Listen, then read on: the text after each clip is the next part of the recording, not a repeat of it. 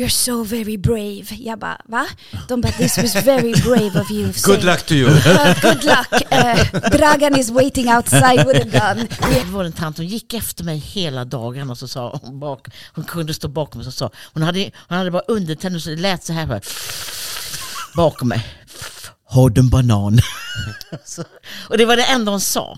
Han sitter på en bänk med, med, i solen och han sitter alltid på samma bänk. Och det är Henrik Schyffert. Exakt det. Läsglasögonen är på, så jag ser vad jag ska prata om och det är onsdag och det betyder då ytterligare ett nytt avsnitt utav Raw Comedy-podden med mig som heter Mårten Andersson och vid min sida som alltid ett gäng gäster som snart ska presenteras. Eh, extra kul idag därför att det är två stjärnor som är här. Inte för att det inte har varit det tidigare heller, men det känns Men det extra, lite extra glans. lite extra glans. Och då pratar jag inte om dig tyvärr, men... men eh, Huvudet kanske. Jag har det- faktiskt nypolerad skalle. Ja, det glänser fint. När du stod utanför och väntade på en av gästerna så, så såg man dig tydligt. Eh, Det var som ett, ett, ett mirakel, eller vet man såg bara... Alltså, eh, Jesu, eller vet du det, Gu- Guds sken. Ja, precis. Det var lite så det såg ut. Eh, Och du heter då eh, Tobbe Ström, Ja, den här veckan också. den här veckan också. Och hur har din vecka varit? Ja men den har varit bra. Jag har ju eh, jobbat, sen helgen var ju var skön. Det var ju bra väder som fan. Jag hängde med morsan eh, som, det, känns nu när de blir äldre föräldrar att man vill umgås mer på något sätt. Ja. Eh, och hon tog med, sitt, med mig till en kolonilott eh, som ligger liksom mitt i stan i Örebro. Som är eh, hennes eller? Nej det är inte hennes, det är hennes kompis eh, som bara så här, ja men vi är där, kan vi, vill du komma förbi? Så jag var där och fick en guide. Jag tänkte att du skulle få ärva den, eller hur gammal ja, är hon? Kompisen eller mamma? Nej, jag jag mamma. De är 60, 65. Ja, men det är väl ingen ålder. Nej, nej, det är det ju inte, men... men eh, Det är typ så gammal jag är. Men, men det, det, det kändes jäkligt mysigt. Så här, jag bara, men hur funkar det? Jag bara, nej, men vi har en liten plätt här och ingen el, utan vatten finns. Jag bara, fan, det känns... Jag fick nästan lite så här, här skulle man kunna... De kommer ju överleva apokalypsen. De är ju liksom förberedda för, alltså plantera, leva utan el och va, alltså de har, Så de, självförsörjning, Ja. för man odlar ju Ja. mycket... ja. ja, men precis. Så jag tror att eh, det var, det var lite mysig känsla faktiskt. Vad härligt. Eh, Det finns ju här i krokarna där vi, vi är just nu, en bit utanför Stockholm då, i Sundbyberg, så har vi ju kolonilotter också. Ja. Och där är det faktiskt folk som till och med bor. Alltså jag Ja. är så här knäpp, eller osvensk om man nu ska se det. Jag gillar ju att prata med folk. Ja. Så jag har ju gått igenom där många gånger, det så här, leta vackra platser och se vart liksom, eh, livet och eh, dagen tar en. Ja. Och så är det så här, hej hej, och så vet så de säger hej hej, så bara, ja, vad mysit ni har här. Ja. Ja, nej du vet, vi bor här, eh, så, jaha. Kom in det på en GT! så bara, ja, säger man då, så gör man det. Men det var bra också. Du har haft en bra helg. Eh, jag har haft en jättebra helg. Jag har precis kommit hem från Kalmar. Ja, det. flög jag hem från. Och det, det, det, eh, jag flög hem vill jag bara säga, för att jag vet inte så här, sån som bara kissar på vår fina planet. Men det var ju, det rådde ju tågstrejk, Ja. tågförarstrejk. Ja. Så att jag vågade inte chansa. Jag, jag fick flyga till Växjö på fredagen och sen så fick jag flyga hem från Kalmar. Eh, våra gäster som vi har idag då, som jag nu ska presentera, har ju flugit från betydligt, all respekt till Kalmar, det är en fantastisk stad, men inte lika exotiskt som eh, våra gästers destinationer som de då kommer ifrån. Eh, och om vi börjar till min vänstra sida, eh, så är, åh oh, herregud, alltså det är, eh, snacka om visitkort, eh, modell liksom, eh, alltså sån här, du vet, postkodmiljonären check. Ja. Stort. Det är så mycket. Guldba Guldbaggenominerad skådespelerska, dramatiker, regissör, sångerska och låtskrivare. Dessutom komedienn och eh, alltså det, det tar bara inte slut. Eh, hon fick kanske sitt stora publika genombrott med tv-serien Allt faller på TV4 som skrevs av Henrik Schyffert, Jonas Gardell och Johan Reborg där hon spelade Majken. Eh, sen har hon gjort massa andra saker och bland annat är hon aktuell med föreställningen Shima is a punk rocker. Välkommen hit från, direkt från Paris egentligen, Shima Niavarani.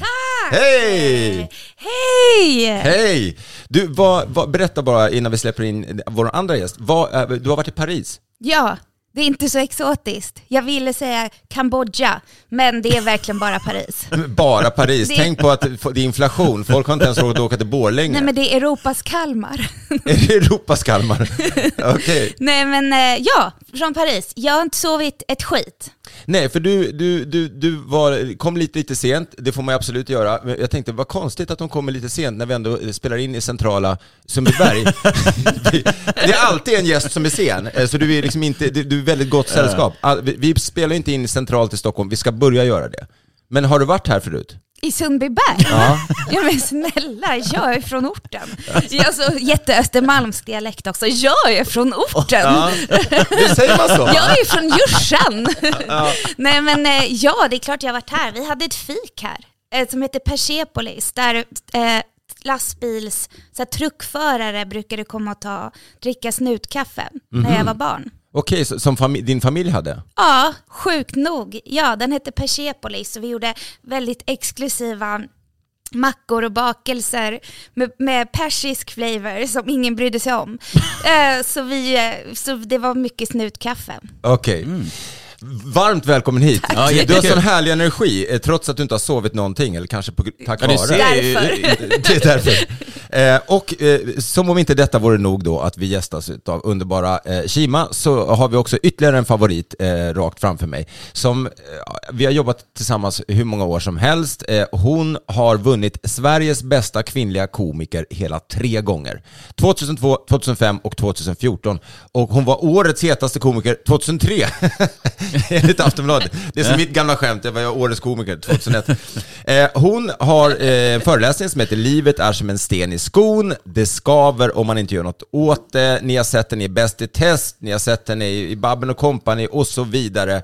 En, eh, alltså, trots sin, och jag säger det här med största respekt, eh, ärbara ålder, så är hon kanske bäst just nu.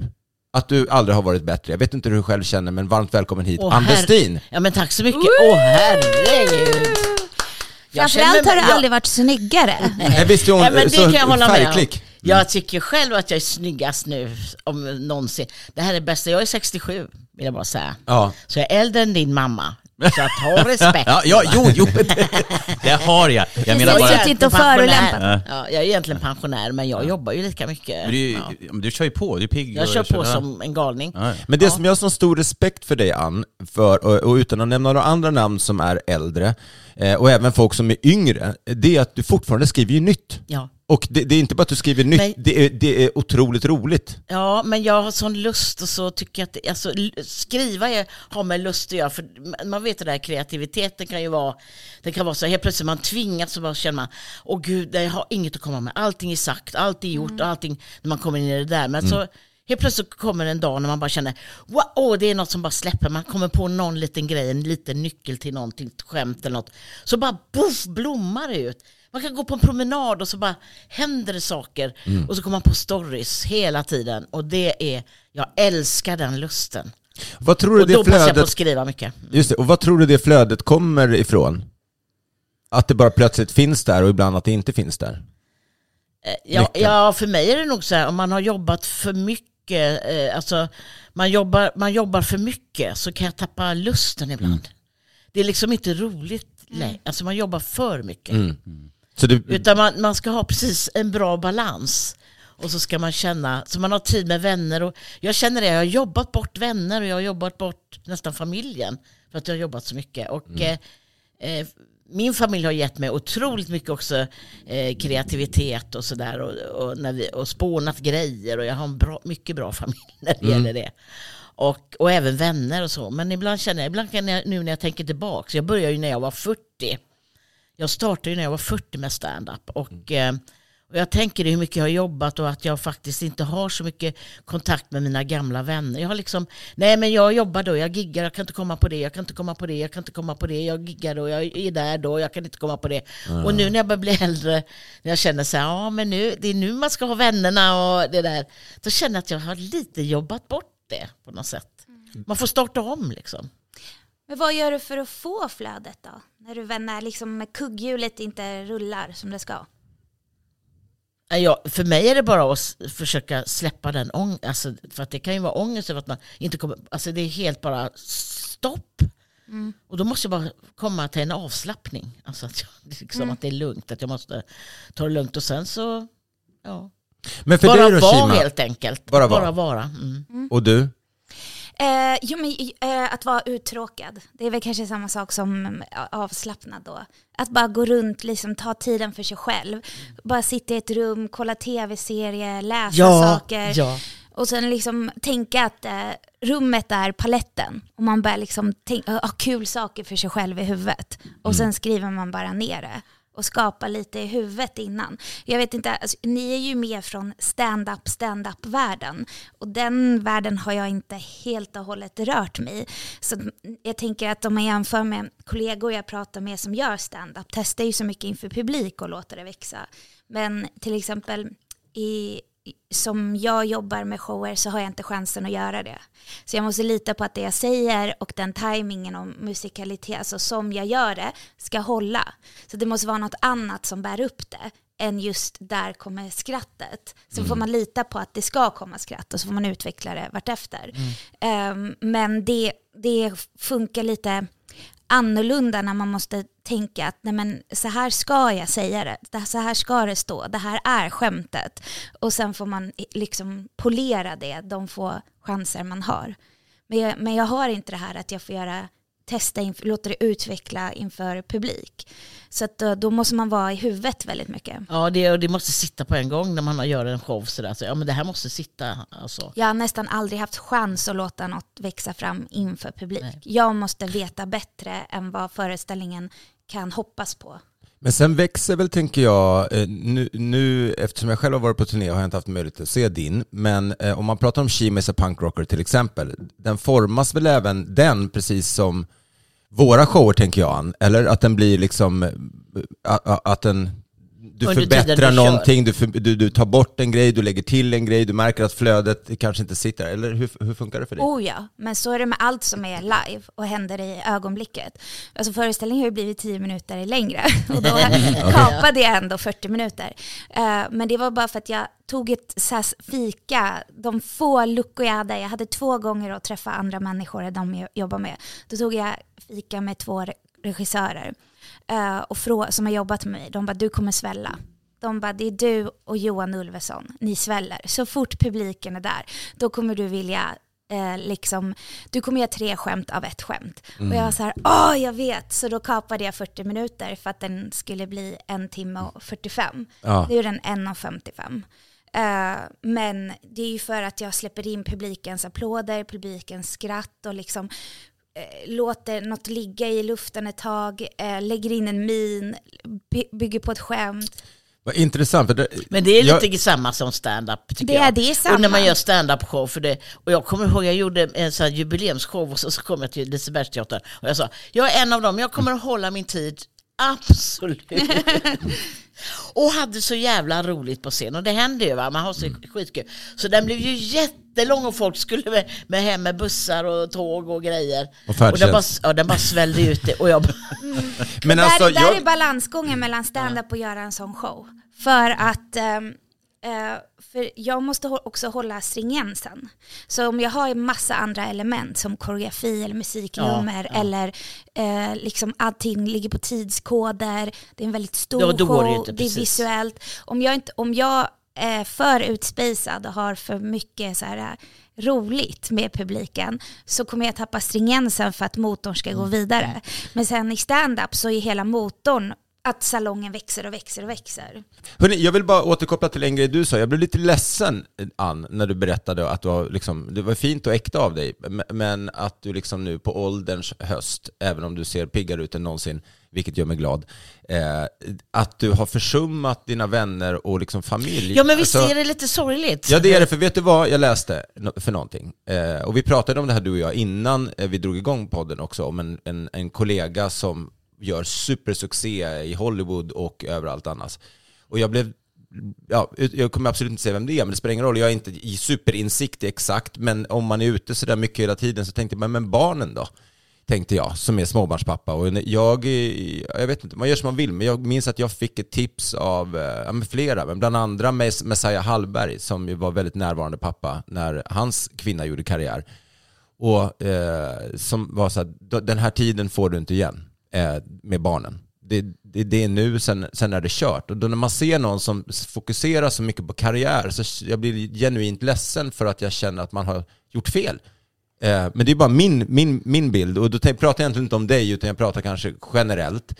Om och när mig. Jag, nej men jag har ju, när vi, jag och min, min kvinna bråkar så är det ofta att jag tycker att hon gör för mycket karriär. Att karriären har varit hennes nummer ett och inte familjen. Eh, och jag fattar att jag är äldre än vad hon är, så att det är, liksom, jag kanske kommer till en annan plats. Men samtidigt så när jag är ute på turné nu så tar ju hon dem och så, så att nu är balansen bättre. Men, Men jag då vill vill, komma jag, till då vill jag säga en sak, för att jag har ju också gjort karriär, då var jag 40, min dotter var väl 8 år tror jag. Och jag hade, du var himla ensamstående, jag himla pusslande med min syrra, alltså jag hade en familj som fick ställa upp liksom sådär. Men jag känner ändå, jag har frågat min dotter idag, tyckte du att jag var borta mycket? Sådär. Och hon sa nej. Plus att jag fick en helt annan mamma än när jag, med det jobbet jag hade. Jag jobbade ju som undersköterska över 20 år. Och, eh, och då sa hon, jag hade en, en ledsen mamma, men jag fick en glad mamma och en rolig mamma och, och sådär. Och, jag, och hon, säger, hon, ingen, hon säger ingenting om att nej, jag förlor, Och jag kände inte att jag förlorade någon tid. Jag jobbar ju väldigt mycket med, jag tyckte inte jag förlorade, jag balanserade det på något sätt. Okej. Jag tyckte inte jag förlorade tid med henne. Nej. Nej, men Jag kommer ihåg alla små, alla grejer hon har jag, jag känner inte att jag har förlorat någonting. Det är mera Det vännerna då på... på Ja, jag känner mer att jag, vännerna har ju fått rycka lite, ja. Mm. Så är det. Men vad är det du sörjer egentligen? Är det att du känner dig mer ensam nu eller att du Ja. känner det är ensamheten? Jag kommer bli ensam. Men jag har ju nya vänner, jag har ju vänner i standup-kretsarna och sådär. Så jag har ju vänner så, men jag tänker på gamla vänner som jag, som jag har liksom, så man känner så, gud vad, nu är vi så långt ifrån varandra. Så. Men man kan ju starta om, Du det är inte så. Men jag kan ändå sitta och tänka så att, ja. När man sitter vet ni- ensam hemma och så känner, vem ska jag ringa? Har, har vi något att snacka om nu? Och, så man här, ja. Men Ann Westin, Ja. eh, berätta, du har inte kommit hem från Paris. Du har istället kommit hem Jag från kommer nästan... från Helsinki. Ja, Och jag älskar Finland! Ja, det, där har vi det. Jag gillar dem i Finland. Jag Ja. känner alltid att det är så här... Exotiskt. Pang, nej, ex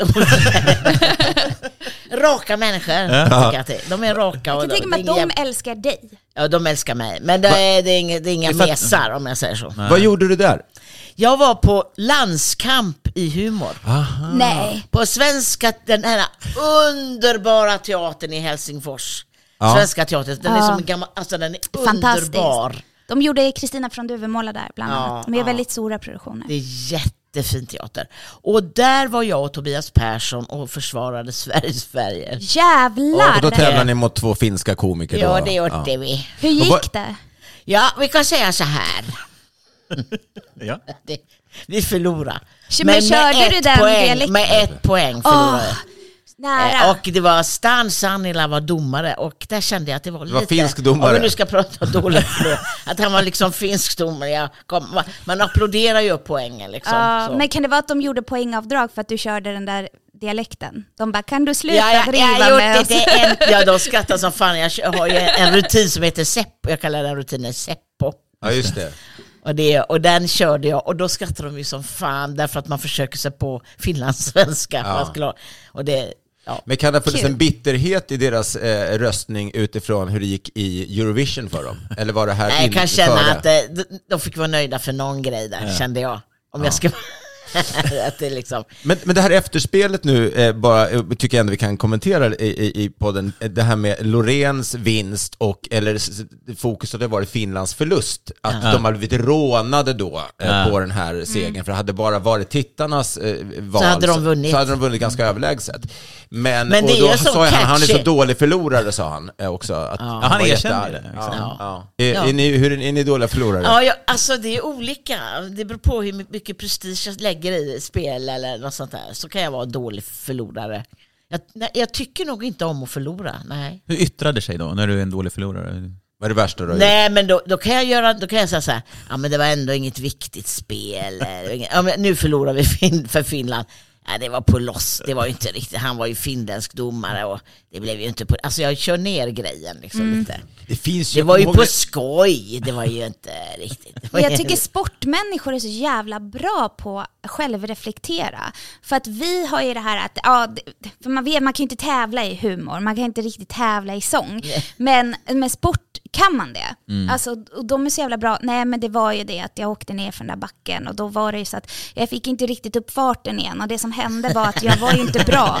Eh, alltså att de är väldigt bra på att säga vad det var som en tränare, vad det var de gjorde Ja. fel. Så att de förlorar ja. Ja, de kanske är dåliga förlorare, men de bara, det var ju inte bra. Jag, var ju, alltså, jag borde ha gjort det här, men jag gjorde inte det. Och ja, det är ju tråkig vinst. Mm. Alltså, Ja, ja, tråkig förlust menar jag. Men äh, dåliga förlorare, jag, jag är...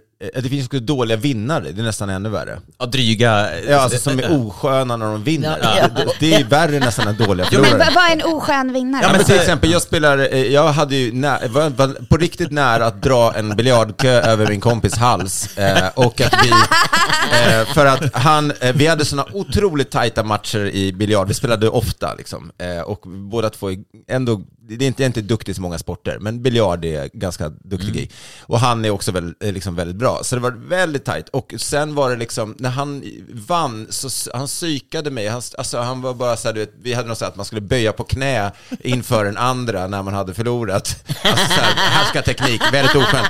Och alltså det slutade, jag ringde inte honom på flera dagar och då var det egentligen inte ens jag var dålig förlorare, men han var så en dålig vinnare att jag blev en dålig förlorare. Du blev förutmjukad. Men, men var det det- andra där som kunde, var det, var det bara ni två? Nej, det var fullt med folk i biljardhallen också. Nej, men jag menar, var det liksom av era vänner, var det bara ni två? Nej, det var bara vi två. Ja men det är det som är problemet, för när man vinner och ingen är där för att säga så här, fan du vann! Och man kan vara lite så ödmjuk och säga så här, äsch nej men alltså nej, tack. Då måste man ju själv hävda. Då Mm. måste man ju säga till den andra, fattar du att jag, Att jag vann, vann över dig? Ja, nej men exakt. Men, för- alltså, Men nej, vad gjorde han? Du var ihåg tvungen Tobbe? att ställa dig på knä? Eller Nej men det var ju, jag vet, det var hans idé, allt det här var hans idéer. Han Mårten gick ner Allt på alla fyra, Allt var riggat, allt var riggat. Ja, nu kommer kön. Men, nej vi- det var inte ja, så. men vissa sådana här som du nämner, de ska ju hålla i det där länge, under en hel dag om man umgås. Att så här, påminna, ja, jag vann, Ja. jag vann. Att så här, ja, men hur gick det i biljard? Ja, hur gick det? Alltså, Ja. Man bara, men kom Ja, igen. men han är precis en sån människa. men men eh, apropå dåliga förlorare, det var en av mina första humorminnen eh, från TV var ju eh, på dåliga förlorare. Den här klassiska, för övrigt kanske eh, till och med folk som du har spelat teater med Kima, men Margareta Krok, Lars Ekborg tror jag. Hur eh, gammal och- tror du att jag är? Margareta Krok! Det är Men hon- förr i tiden. Men Men jag du- tänker, du var ju sån du menar- stjärnskott när du var ung, så hon kanske fortfarande levde då. Menar du sjöfartsspelet? Ja men de sitter och spelar Monopol Ja, eller någonting. atui, Atui, atui, atui, atui, atui, atui. atui, nu slår den där. Ta dig bra! Jag kommer ju ihåg det när det gick på TV. Ja. Och Alltså- vi skrattade för vi hade aldrig hört någon säga så. En kvinna som säger Ta dig brasan! Och, så bara, och vi bara dog! Ja, och Idag- apropå komisk timing, det och det, var var- alltså- var det, då, då, det var dålig vibe i, i Ja, var sällskapsspelet kan man säga. Ja, ni får googla, den kanske finns på Googla, Youtube. det finns på Jo, jo, Youtube. men alltså Margareta Krok, vilken jävla legend. Man ska Ja, se allt, bara underbar. youtuba henne en hel kväll. Ja, ska man göra det? Så, tips. Eh, Ja, nej, men, 100% tips.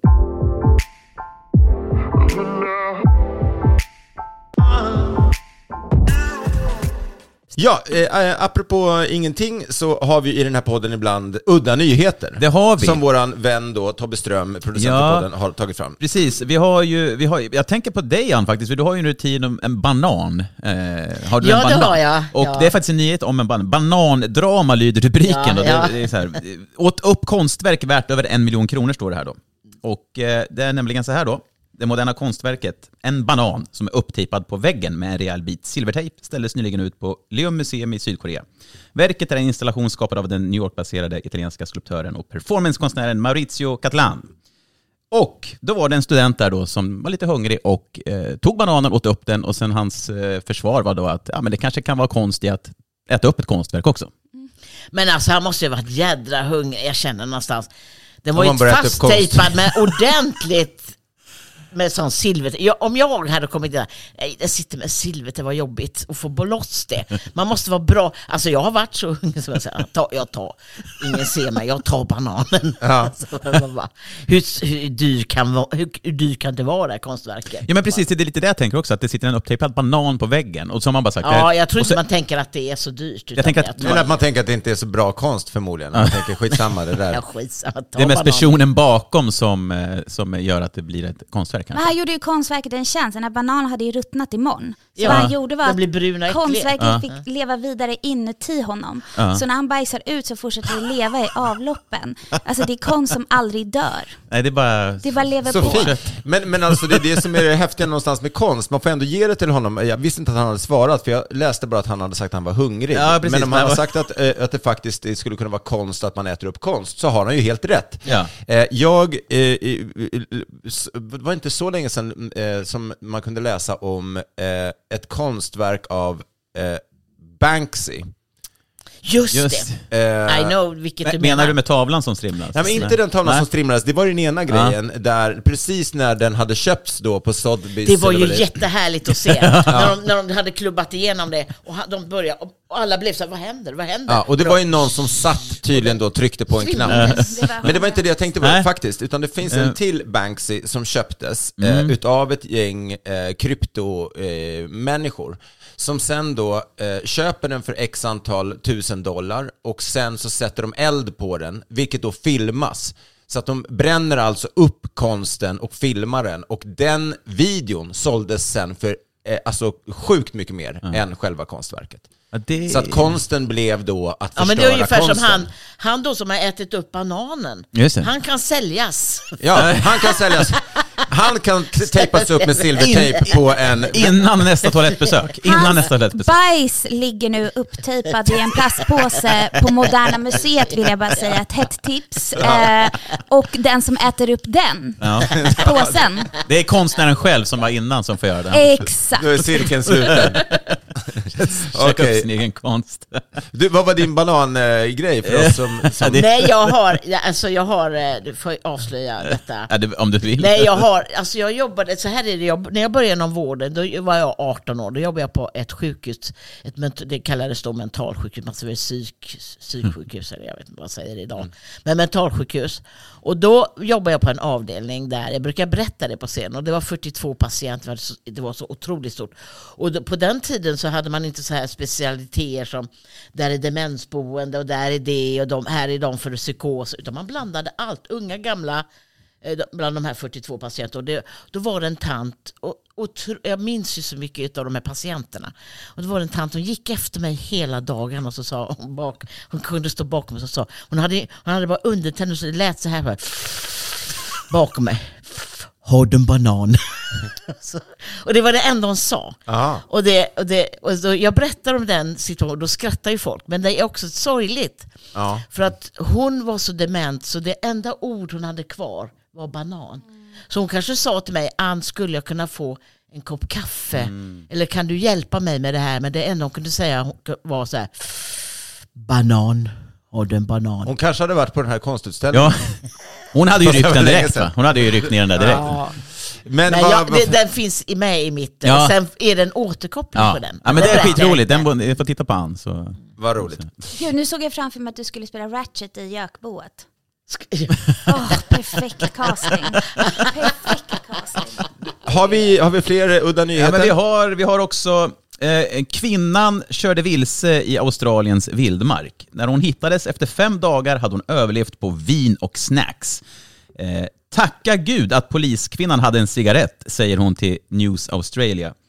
Eh, hon alltså Hon då- låter ju som en verkligen renlevnadsmänniska måste man säga. Hon har ätit jag- snacks och alltså, vin och det första hon får är en Först- cigg. För, första jag tänkte var så här, hon har varit ute i öknen var det där. Och, och liksom, man vet ju själv om man har druckit mycket vin att man blir jädra törstig dagen efter. Ja, det, Så jag kan känna, hur har hon, hur har hon överlevt? För man torkas ju ur. ja. Det kanske var den alkohol. här Fire-festivalen som var helt misslyckad. Hon var den sista kvar i den där öknen där festivalen var. Och hon var så här att det de inte hade var cigg. De hade ju inget boende, de hade ingen mat, de hade alkohol och en misslyckad influencerfestival. Så jag tänker att det, hon är en av de sista kvarlevande eh, influencersna, men är 49 år nu. Och det, är inte de, det de inte hade var en cigg. Så det, de misslyckades, de behövde cigg. Ja, precis. Men, det, men eh, vad hade ni helst själva velat haft i vildmarken om ni hade varit fast? Men alltså jag kan känna så här, jag hade säkert tyckt så här, åh ja, ja, det finns vin kvar och snacks, så jag hade nog tagit det. Och sen hade jag ångrat mig lite och tänkt, fan vad, vad dumt. Men se, jag har ju varit rökare en gång i tiden, så jag har slutat att röka, så det hade ju varit jag hade nog inte sagt det, det första jag sa. Kan jag få en, eller kanske, eller det kanske det beror på full. Men här, Har du en banan? eh, har du en banan? Kan jag få en cigg? Jag tycker det låter helt rimligt. Hon har varit ute själv, snacksat, druckit vin. Det är klart hon vill ha en cigg det första hon ska ha. Alltså är man fyllerökare så är det klart att man vill ha en cigg. Ja, I fem Hon dagar varit har hon längtat efter cigg. Hon har ju festat i fem dagar på Ja, någon hon har sån suttit och här vidare och bara egen... ätit chips och, Det skulle vara gott med en cigg Fan vad också. gott det ska vara med en cigg. Helt rimligt. Alltså varför skulle man inte vilja ja. ha en cigg? Kommer någon förbi nu så är det en cigg jag vill ha. Du, apropå, apropå SIG så vill jag faktiskt säga det, jag pratade en del om det i, i min föreställning, eh, det hade varit konstigt annars eftersom jag pratade om Serbien. Men eh, eh, nu då så står det här, Serbia considers banning indoor smoking. Oj, oj, oj, oj. Oj, Ah. går Det här är ju nästan lika chockerande som att Irland blev första landet att förbjuda Ja, just. rökning inomhus eh, på pubbar. Ja. De bara, Is it us? men, eh, men de ska då tydligen förbereda sig för att inte röka och jag måste sätta på mina läsglasögon. Ja, kul. Det kommer bli ett till inbördeskrig. Nej men det kommer det ju kommer typ bli det. De, och då säger en professor här som heter Dr. Dragana Jovanovic säger I think det faktiskt, nej men, eh, men det här är ju så, så i Serbien att eh, det är eh, tillåtet fortfarande att röka inne på restauranger och på barer. Och jag säger det här därför att jag ska eh, dit imorgon. Just det. Ja, jag ska, nu är det jag som ska ut och resa. Eh, u- Till ut, utrikes. Ja, Ja. nej, men för att nu har ni varit i Paris då och i, vad, vad gjorde du i Paris förresten? Eh, jag, av helt privata skäl. Alltså jag är väldigt stolt över det, för jag reser ju inte om jag inte jobbar då, apropå det här eh, du pratade om, eh, Ann. Eh, så jag var och firade eh, en vän, inte en vän, men jag var på ett 80-årskalas. Det låter skittråkigt. Men det var inte det. Eh, Det var min kompis pappa och han är gammal diplomat. Eh, Så han har liksom vänner över hela världen då. Eh, Och vi åkte in ett gäng, 8-10 vänner för att fira honom. Och de hade ju styrt upp klubbar och middagar. Vi var basically där bara för att äta jättemycket mat och dricka.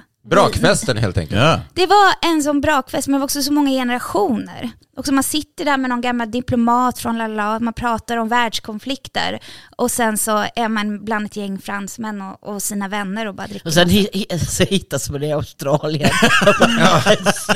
ja, eh, Det är där man vaknar upp. så jag vill bara säga att det var rimligt att jag frågade efter en cigg Ja. efter, efter att jag hamnade där. För det var därför jag var sen, för planet gick ju inte Nej. direkt hem. Just Eh, så att det var askul. Eh, jag började röka i Australien, det blev en sån grej bara. mellanlandning i en skog i Australien på fem Ja. dagar. Eh, nej men jag ska till Belgrad, det ska bli fantastiskt roligt eh, att komma dit efter turnerandet, att få vara lite med familjen. Har du varit där?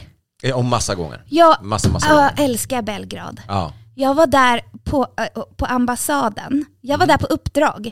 Eh, och, och det sjuka är, det här är så sjukt, för att eh, eh, eh, eh, Serbiens media är ju ganska kontrollerad. Det finns ju typ en fri media och så finns en statlig. Det är ju rätt korrupt eh, land på många sätt. Extremt, ja. Men ett land med otrolig historik etc. också.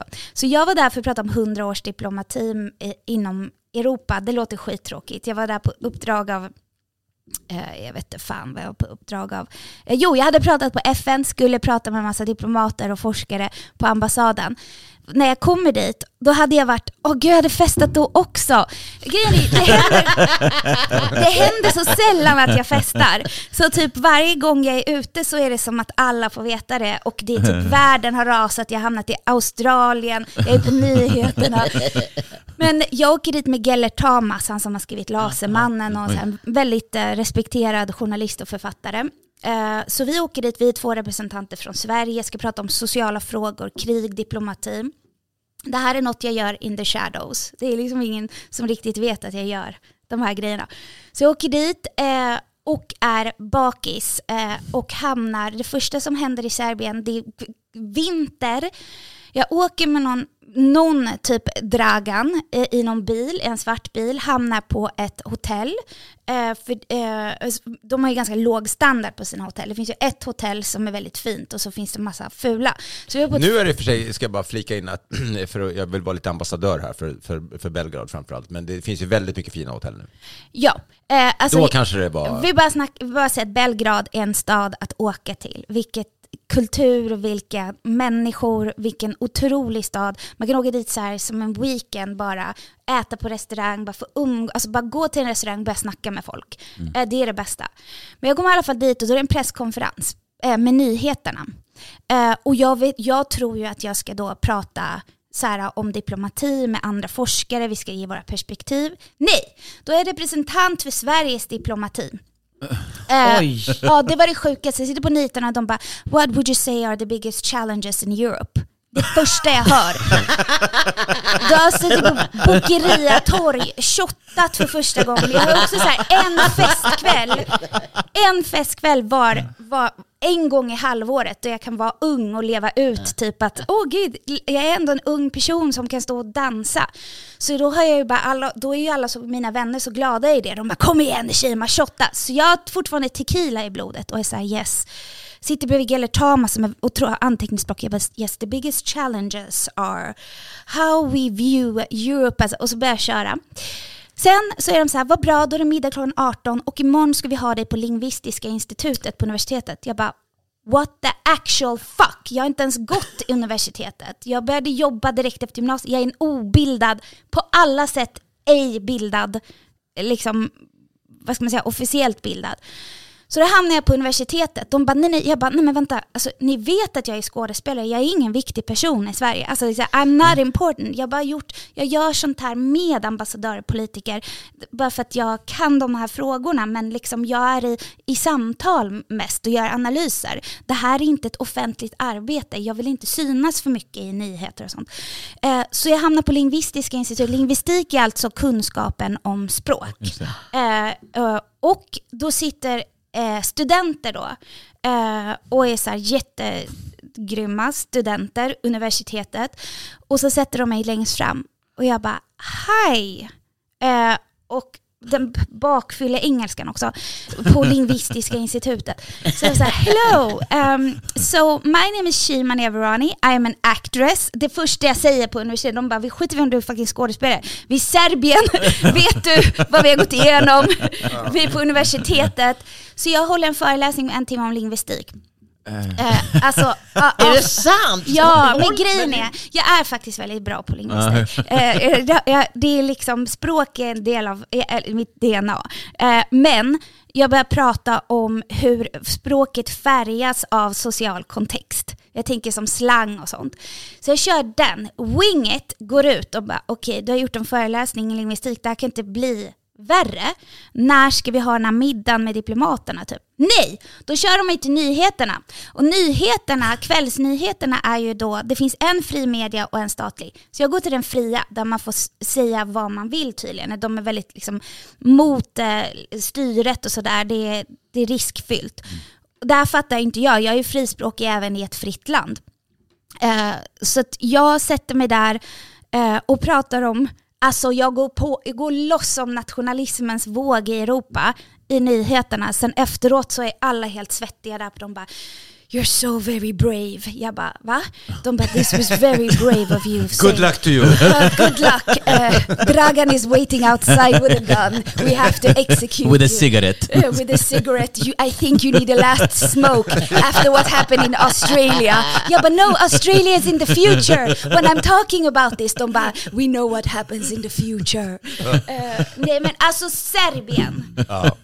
Så det var helt bananas. Sen var jag i, i dagstidningen och jag kan inte läsa ett skit. Så jag skickar ju till alla mina juggevänner eh, och jag är så här, alltså ni måste, jag vet inte vad fan jag har gjort i ert hemland, men någonting har jag gjort och jag är på någon så omslag av någon dagstidning. Oh vad my står det? God.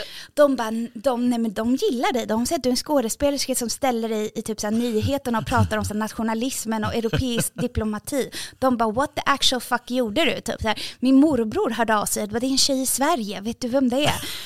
Och eh, så jag vill bara säga, jag kommer med. Jag kommer med. Ja men Imorgon. nice. kul. Ja, men alltså grejen är, det, det är häftigt att höra, men min- min tjej vill ju faktiskt, eh, jag säger tjej, det det är ju fest Fru. Västerö- Din fru Ja, snart, soon to be wife. Hon vill ju också gå ut och demonstrera.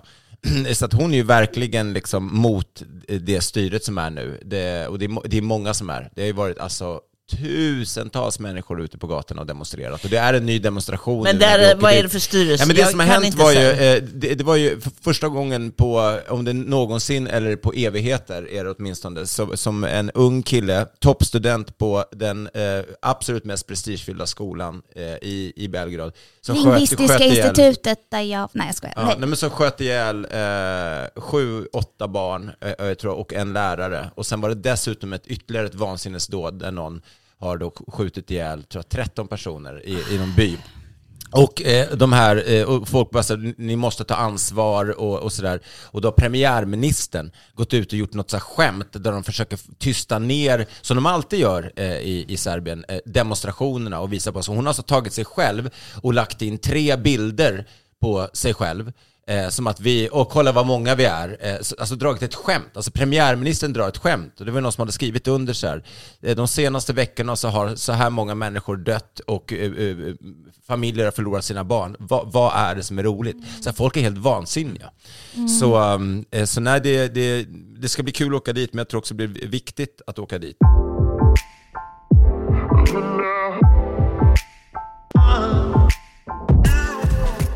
Eh, ni, klockan, det går Vi har hållit jättefort på, här. Ja. på nu. Ja, men eh, vad ska vi se här? Eh, ska vi ta någon, har vi en fråga? Vi, har fått, vi får ju frågor hit Ja, ibland. Det, eh, det får vi. Eh, Vi har ju en telefonsvarare, men det, det- de är dåliga på att ringa in på Ja. telefonsvarare. De är bättre på att skriva in frågor. Eh, Men ta de som skrivs in då. Ja, precis. Eh, Men vi har ju en telefonsvarare som jag påminner om igen då, som då är 020 89 93 55. Eh, Ja. Och ställ vilka frågor ni vill, jag på säga, men gör det. Eller så kan ni skriva till tobbesnabla.se om ni vill skriva. Och vi har eh, fått in ett par frågor som jag har tagit fram här nu då. Och eh, Kima, du kan få, få en fråga här då. Eh, Kristin i Västerås. Om du inte fick hålla på med varken, du är artist, du håller på med humor, du, du gör ju massor med saker där du gör, alltså i, du är ju artist i massa olika former. Om du inte fick göra något av det här, vad skulle du vilja göra då som inte är i det här området? Så att säga? Eh, Då skulle jag nog läggas in på det här institutet som Ann jobbade på för länge sedan. Eh, Lillhagens sjukhus, det är nedlagt nu, men välkommen. men jag skulle flytta in till rivningskontraktet eh, i den, på det institutet. Eh, nej, jag, vet inte, jag tror faktiskt att jag skulle bli människorätts eh, eh, åklagare Ja. och sätta dit eh, krigsförbrytare. Gud vad allvarligt det blev. Men det känns som att du skulle kunna göra. Ja, bra. eller läkare. Jag tror fan jag skulle bli en bra läkare. Eller kirurg. Jag skulle så gärna vilja operera. Jag skojar. Det var hemskt. Okej, Ann, vad säger du? Eh, eh, eh, Ska jag svara på det också? Ja, såklart. det kan Ja, om, jag inte Fix. hade, om jag inte hade blivit komiker... och du får hade inte vara undersköterska igen. Nej, men jag hade nog jobbat inom sjukvården för att det är väldigt roligt, men jag hade så dålig arbetsgivare. Det är där det ligger. Det är ett jättehärligt arbete att jobba inom vården. Om man har bra arbetsgivare och bra chefer och bra... Alltså, när man inte har det då, då går det inte att vara kvar. Så att när de säger det, att folk lämnar vården, ja, titta över då politiker och det, titta över arbetsgivare och titta hur chefen, man måste titta på organisationen, för det är oftast där det faller. Ja. För Hallå, annars är det ett toppjobb. Vad hade Ja, du blivit Tobbe om inte du blev komiker och producent för den här podden? Gud, vad svårt. Men jag är också inne på, alltså, i, i livet nu, att eh, eh, psykisk hälsa, alltså mental hälsa, att kunna liksom vända en negativ eh, mental trend till något positivt. Eh, ja, men hjärnan, alltså, KBT typ. ja det kanske, eh, ja.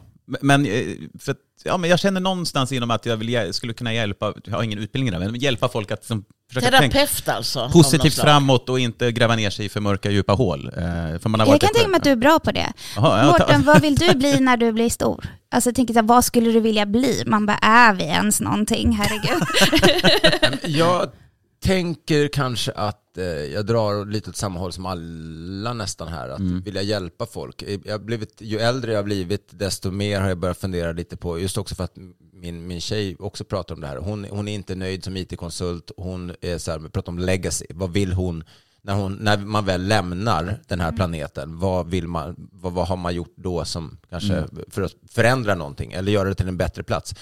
Eh, och det där har också kanske inspirerat mig lite grann. Så jag tror att jag skulle vilja jobba med någonting som ja, men, alltså, få folk att, att bli mer kärleksfulla, vänligare och eh, mer respektfulla mot varandra. Men det, det gör jag ju det nu i den här Det showen. Alltså, med känns som att det är showen. det du gör i showen. Ja, så att nej, jag får väl säga, jag blir väl kock. Ja, Laga god mat. Är du bra på att laga mat? Jag är helt okej. Men Eh, den men jag, är- bättre. jo, men jag är ganska okej. Jo.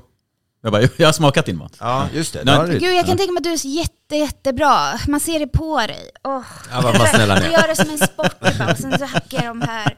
Ja, men det, jag, är- det smakar. Eh, Mm. men, alltså, jag tror bara, om ni sitter själva och funderar på vad ni ska göra i livet, välj passion. Jag hade en sån här brandtal för en, min eh, bästa väns eh, brorsa, som, eh, han bara såg inte så lycklig ut. Och jag sa, men jobbar du med det du vill? sa jag. Eh, och då var han liksom, han bara, ah, men ja det är bra. Så, men vad, alltså, så här, jag sa, om jag får ge dig ett enda råd? Eh, ah, han bara, ja men absolut. Så jag, jobba med din passion. Jobba med någonting du är passionerad för det. En tredjedel av ditt liv kommer vara ditt jobb, minst. Du sover en, en tredjedel, du eh, har ledighet kanske en tredjedel och du jobbar en tredjedel. 33% av ditt liv, se till att det är något du är passionerad för, för då kommer det komma automatiskt. Och gör du något du är passionerad för, och du brinner för och som du har glädje i att göra, det är lustfyllt, så kommer du göra det väldigt mycket bättre än många andra. Och då kommer du också bli framgångsrik på kuppen. Och kanske till och med rik, om man nu tycker det är viktigt. Eh, hörni, jag tror vi måste Ja. så sagt, hade vi en fråga till eller ska vi runda av? Eh, nej, vi, vi kör på det. Vi, vi nöjer oss där. Ja. Ja. men då skulle jag bara vilja säga, eh, eh, nummer ett då, eh, ni kan se om, det finns en hemsida, Shima, isapunkrocker.se.com. Men det är med en sekund! ja. Eh, Men Shima Niavaran i alla fall har vi haft som gäst, otroligt trevligt och dessutom som alltid Ann Westin, jag blir lika glad varje gång jag ser dig. Men hon är där tipsa om något? alltid, hon hänger där. Den där gamla särringen, vad gör hon? Hon bara hänger jag tycker runt. du borde ta en bild på dig själv idag med det här glowet och din frisyr. Så att alla får se hur snygg du är. Ja men ta en bild. Vi och så kommer ju ta en bild tillsammans Mm, allihopa Och här så och lägger så vi lägger vi upp bild. den. Hallå jag vill bara säga det är shemaiserpunkrocker.com. Jag var tvungen att gå in på min Instagram och kolla för jag kan inte sånt där i huvudet för jag har sovit noll timmar för jag kom hem från Paris och nu börjar podden om igen från början. Välkomna ska ni vara till Raw Comedy! Eh, och Ann, vad vill du tipsa om? Eh, Kan vi se? Jag kan ju tipsa om dig, om du Du, vill. du kan tipsa mig tycker jag. Ja. Jo men jag kan säga att jag ska till Göteborg på 400-årsjubileet där. Eh, för Göteborg fyller ju 402 år Oj. tror jag egentligen. Men de firar eh, 400-årsjubileum. Okej. I ju, 2 juni kommer jag vara där med flera komiker och uppträda på Bananpiren. Såklart! Var annars? Var annars? Var annars skulle du uppträda? Ann, det här är ett tecken! Ja, det är du det. måste göra Jag en bananshow. konst, konst, banan, bananpir. Hallå vänta, jag har en idé. Du, Andy Warhol, bananen, Ja, på en affisch, bananshowen. men där sa du det. Bananrepubliken! Nästa år, bananshowen. Banan Westin. Banan i bananrepubliken. Ann Westin i Banan, banan, bananrepubliken. banan, Där kom han, eh, SM-ordvitsaren. Eller vänta! Trefaldiga. Ann Westin, helt bananas. Exakt. Där har vi det. Och om man vill se Ann Westin eh, i, tidigare än så, så kan man se henne på Raw nu i helgen. Eh, vi eh, har öppet fastän det är Kristi himmelfärd för er som inte, eh, av olika anledningar kanske Och det lämnar kommer bli staden. så härligt. Vilken Ja. tid är det? 21.00 på Hilton Stockholmslussen och då eh, under helgen kommer ni kunna se, förutom Ann Westin, Faro Groth som gör debut. Wow! Eh, Alla säger som har sett honom att det, han är en natural talent, så det där får ni inte missa. Dessutom Thomas Kaminski, grym snubbe från Malmö, Viktor Engberg som ni har hört i podden, otroligt rolig. Och dessutom de väldigt roliga Svea, Sigmund, Isidol Olsbjörk och Isak Wahlberg. Personligen så skulle jag vilja tipsa om mina tre sista shower eh, den här våren utav Mårten Cvetkovic. Eh, då ser ni i så fall om ni vill. Eh, Södertälje den 26 maj, Örebro 27 maj och sista chansen att se mig i Stockholm eh, är på Rival den 31 maj. Eh, med det sagt, eh, Tobbe Ström, vill du, eh, vill du tipsa Men nu något? får jag typ säga någonting, och så Globen i höst, tänker jag. Ja. Avicii Arena. Tack Avicii för att du påminner. Arena, ja. Raw fyller 20 år. Eh, Bland andra Ann Westin, Johan Glans, Babben Larsson, David Sundin, Messiah Hallberg. Ja men alla. Det- Thanos Fotas, alla är där. Wow. Det vill jag också tipsa om. Och sen vill jag tipsa om det som ni har nämnt. Sen har jag inte så mycket tips. Jag vill tipsa om eh, allmänt bara, försök att njut, eh, gå ut och njut och eh, ha det bra liksom. Du har redan börjat på din andra yrkesbana. Ja, han tog åt sig det direkt. Ja, men, För, för er som undrar, 21 oktober är det på Avicii. Arena och vi har sålt 9 500 biljetter. Så det är, Passa på. köp nu, det kommer vara slut slut innan sommaren är över, Ja, är nästan till och med månaden är Ja. över, det är vad vi tror. Det finns tusen biljetter kvar, inte ens det, 800. Eh, jo, Tobbe Ström, apropå njuta, det, jag åkte ju skoter hit som jag så ofta gör, sån här Ja, elskoter, det. och eh, då, då vet man, man har sett ett sommartecken, inte ett vårtecken utan ett sommartecken, det är när man åker förbi den här bänken så sitter det eh, alltid, när man sommaren har börjat, så sitter en man, ska vi säga, han gillar öl kan vi väl bara säga utan att säga något mer, och han sitter alltid i bar överkropp och han lyssnar på hårdrock. Och han, jag hälsar alltid, han hälsar alltid tillbaka. Det, det kändes så fint att han, eh, han, han, han, han njuter verkligen. Det är ett tecken. Han, det, han sitter på en bänk s- med, med, i solen och han sitter alltid på samma bänk. Och det är Henrik Schyffert. Exakt! Exakt. Hörni, det var ett otroligt eh, eh, fint, roligt och härligt att Ja. ha er här. Eh, håll utsikt efter de här underbara damerna, Shima Niavarani och Ann Westin. Eh, dessutom stort tack till dig Tobbe Ström Tack som har rattat podden. Jättekul. Eh, den kommer ut då, Raw Comedy-podden, varje onsdag och eh, vi är tillbaka om en vecka om ni vill. Jag heter Mårten Andersson. Puss och kram! Puss puss! Puss och kram!